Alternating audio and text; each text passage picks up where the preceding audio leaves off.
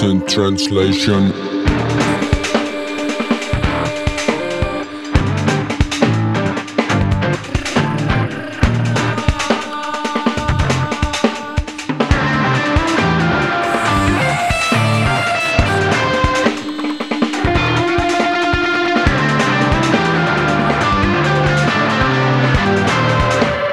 Absent translation. Absent Translations ehk tõlke teemal viibijatele on eksperimentaalne raadioformaat, mille raames Eesti kultuuritegelased jagavad teiega oma täiesti subjektiivseid elamuskogemusi. head kuulamist. Hello, dear listeners. My name is Bogdana, and the episode that you're about to hear is an absent translation of my encounters that have happened in Oodi Library in Helsinki. For listening to this episode, you can choose any environment and situation that you prefer. And I would also recommend you to listen to it while you are in a public space, while you are taking a bus, a train, or you are yourself somewhere in the library, or in a cafe, or any other place where you can observe the strangers and uh, play into this voyeuristic game together with me.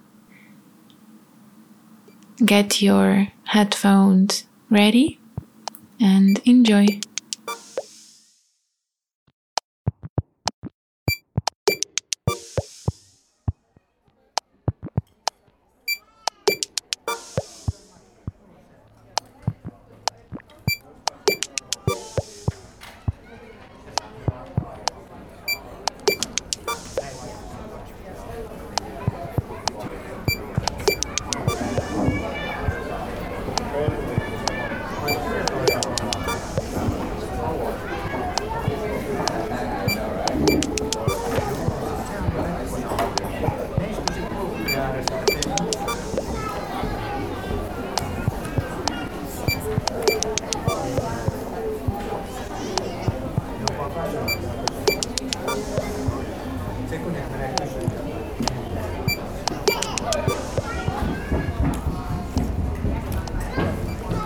This is not how the library sounds like, usually.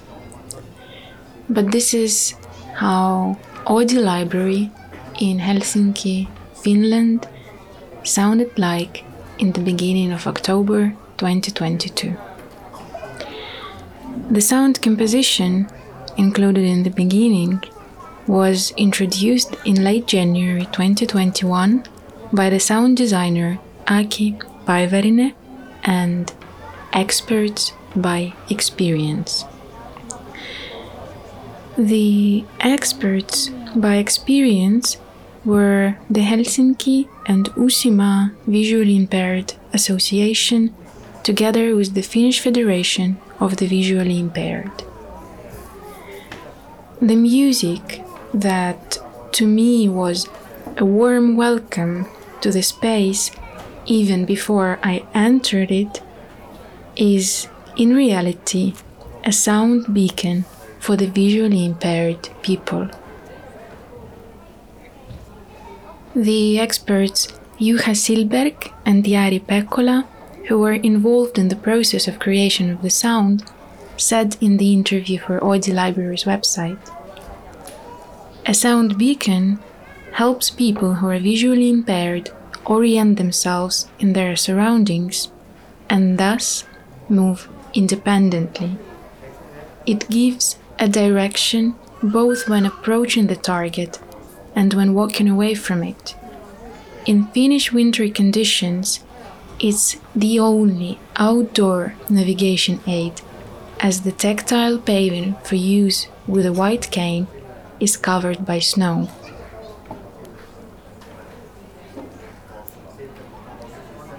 The entrance thus becomes the first embrace, letting you know that everyone is welcomed lonely here. Jews, fundamentalists, foreigners, old people, families, nihilists, others, babies, aspiring authors, victims of war, us, reformers, nice people, the cold sensitive, the invisible, builders, adults, vagabonds, shepherds, the multitude, planners, cousins, helpers, Muslims, the dead, the homeless, singles. During those few days, when I was going to the library each morning, I would also go and check out the same place. And every morning, I would see a man on a couch.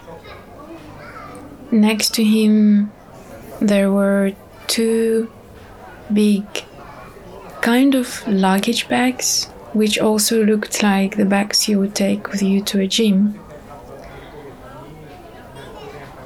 He only had a book in front of him, never in his hands. And I noticed that it was a detective story in Russian.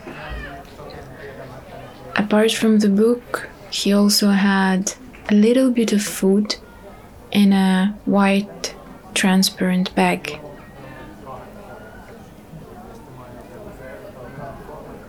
And every time I saw him, he was sleeping. He would sit on that couch, hold his head with his hand. He would have his glasses on his nose, but the book would lie on the journal table next to him, and he would just quietly nap in the library. Looking at him, I would also imagine how he walks around Helsinki during nights when he can't stay in this library. And from time to time, he would enter some busy bars with uh, lots of people, and he would choose the busy ones because there the chances are low that the staff would notice you and kick you out. So he'd go there, as those are also ones of the very few places that are actually opened during the night and where you can warm yourself up a bit. And so he would wander around till early morning when he can start again moving in the direction of the library where he could freely enter without pain, without being scared of being kicked out. He would go on the third floor where the open space and the couches are. He would take the smallest couch, take out his book, take out some remnants of the food, and nap till another night comes when he needs to leave and wander around the city streets again. underdogs, children with special needs, the speechless, the inhibited, detainees, princes, outsiders, daydreamers, the guilty, winners, amateurs, revolutionaries, people. How often do you come here? Uh, well, I'm not living uh, living permanently in Helsinki, so I don't come that often here. But when I am in Helsinki, I usually visit the library. I can say that's mu- that much. Probably uh, two or two or three times a month. Yeah. And what do you do here? Uh, I mostly study or read, or a mix of both. And uh, how do you feel yourself when you are in this space? Yeah, in this specific library, yeah. Yeah, yeah. I like it. I think it's pretty calm, and I like the atmosphere, especially the top uh, floor is really spacey and like with nice lighting. So I, I feel pretty at home in here. It is a pretty nice library. At home, Yeah. What does it make uh, like at home? Uh, well, being comfortable and in a space where you feel like you can do whatever you want without being overly anxious or anything. I think that's pretty good express, expression of home. Visionaries, the paperless, grandfathers, authors, writers, dreamers, the racialized, the depressed, the blind, gays, agnostics, the silenced, hobos, quiet souls, hedonists, tourists, hippies. A young girl has just arrived to the same area. She's looking around with curiosity. She has a huge backpack, pulled up hair so that it doesn't intervene with her vision. She's going to a working table and she's taking out her laptop, the book, the notepad, a pen, and a bottle of water. I think we are kind of similar, and uh, it's in the eyes the curiosity about a new place. I think it's her first time here as well. Another woman has just taken a chair at my table. This is exciting. I don't think it could happen in a library in Estonia. If a person couldn't sit there alone, they would probably leave and just go home, no?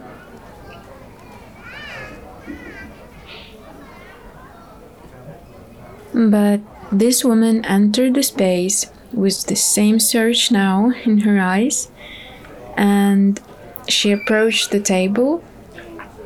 I thought she would ask if that was free, but she didn't. She just sat down next to me.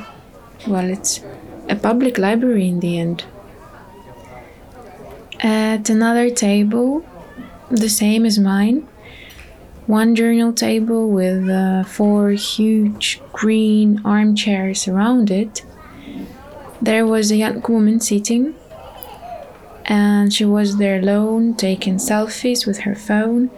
And just now, a man approached the table and sat at the free chair, in the same silent manner as a woman sitting next to me right now. You should have seen the confusion on the face of that girl. While the man was sitting down, she started looking around with rounded eyes full of surprise, as if asking, is this even allowed here? So I guess me and that girl are strangers here, and these two new neighbors of ours are actually locals. At least locals to this library. They know how this temporary society inside this room functions with all its unwritten rules. nerve graters, sauna lovers, pet people, the childlike complainers, victims of discrimination, critics, sun worshippers, conservatives, feminists, the illiterate, noisemakers, scholars, generous people, the forgotten, the cheerful, friends, workers, alcoholics, the trusting, weirdos, left wingers, thinkers, brown girls, the fearless, Well, I really enjoy being here actually. We don't have something like that in Berlin because, like, well, it's really, I think it's mostly because of the culture. Like, something like this, I think, wouldn't be possible in Berlin. And here you feel that uh, society is uh, different so that it's possible. I can't really explain that. It's. Hmm. yeah, also I think like uh, the government is way more interested in building places like that than in Germany. But um, I haven't been to other cities in Germany and went to the library. Most of the big libraries in Germany are like from the universities, and this one is like from the city of Helsinki, right?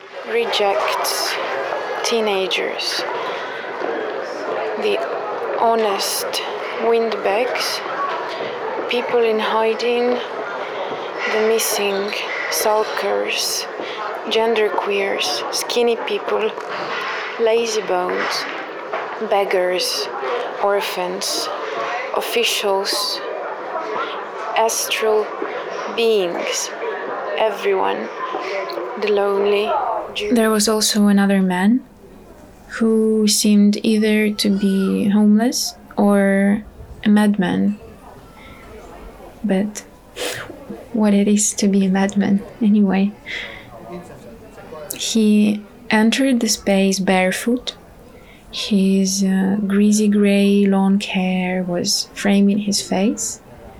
He was talking to himself or to someone I couldn't see or to someone in the space who wasn't aware they were addressed. And he entered with a wet towel in his hands.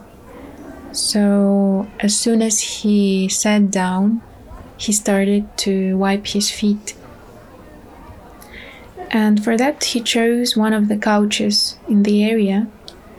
Afterwards, he needed to put warm socks on, so he took them and chose another couch next to a man.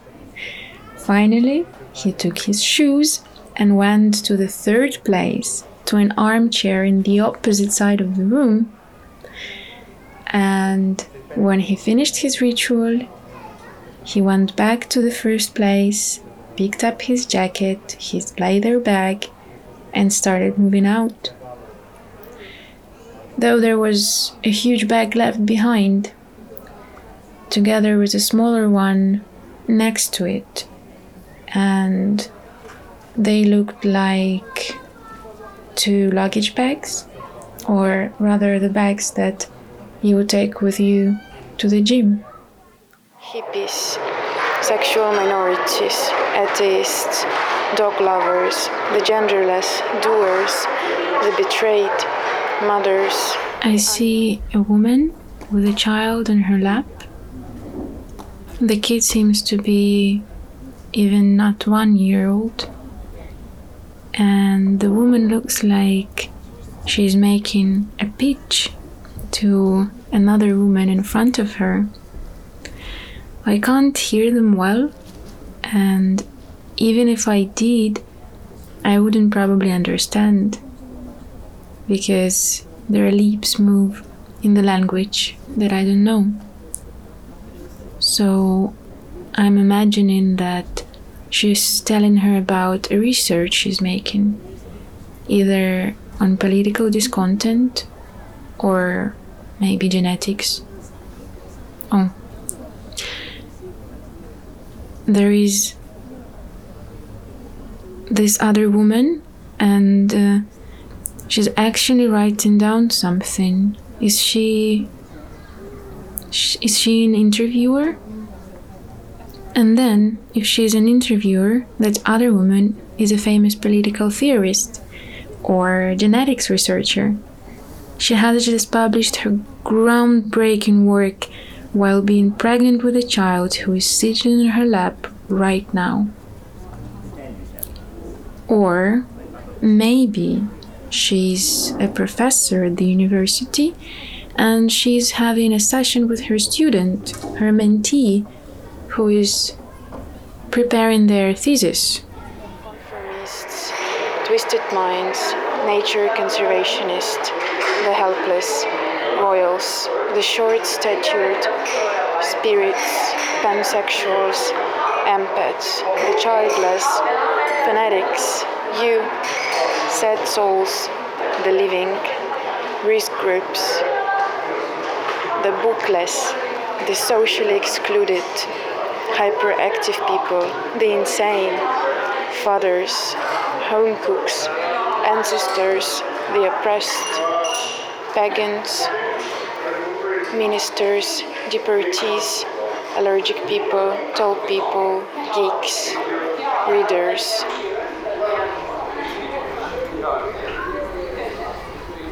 It feels so alive here, so open. There is no pressure of shushing anyone, everything just feels natural. Polish girls discussing a school project on my right, German women discussing some other project on my left, kids playing around, Ukrainian women passing by talking about their husbands in the military, tourists spending here the whole day, homeless man cleaning his feet, Russian immigrant complaining to someone on the phone how difficult it is for him now to land a job as a sommelier. This is this is probably what happens when you create a public space accessible to different groups of people completely for free. You get this diversity of the city you're in. You see things you won't see otherwise because even the streets are policed. And to use a bathroom in a cafe, you need to pay making seemingly public and open, like obviously open spaces, not accessible for the majority of the population.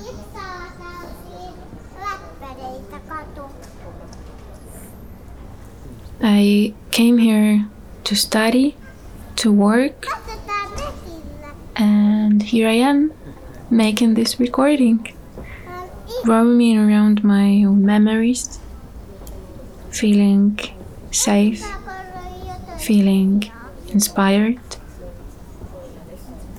I want to learn to observe while being here. I want to see the sunset through these windows. I want to listen to the people around me even though I might not understand the languages they speak.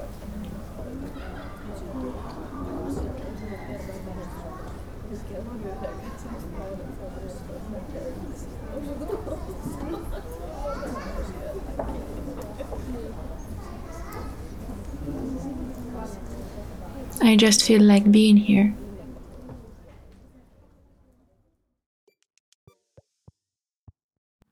The words that you have heard throughout the episode are the words from an artwork placed in the library on one of the stairs.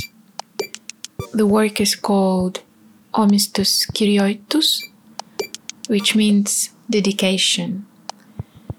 It's an artwork created by Otto Karvonen together with the public. All of the words that are featured on the walls of those stairs were suggested by those who visit and those who cannot visit the library. And now they are engraved there literally to remind now I'm quoting the description of the work to remind us that the library genuinely belongs to everyone, regardless of people's origin, age, wealth, or any other factor. The library aims for basic human rights, such as the right to access information and freedom of speech, to apply equally to everyone.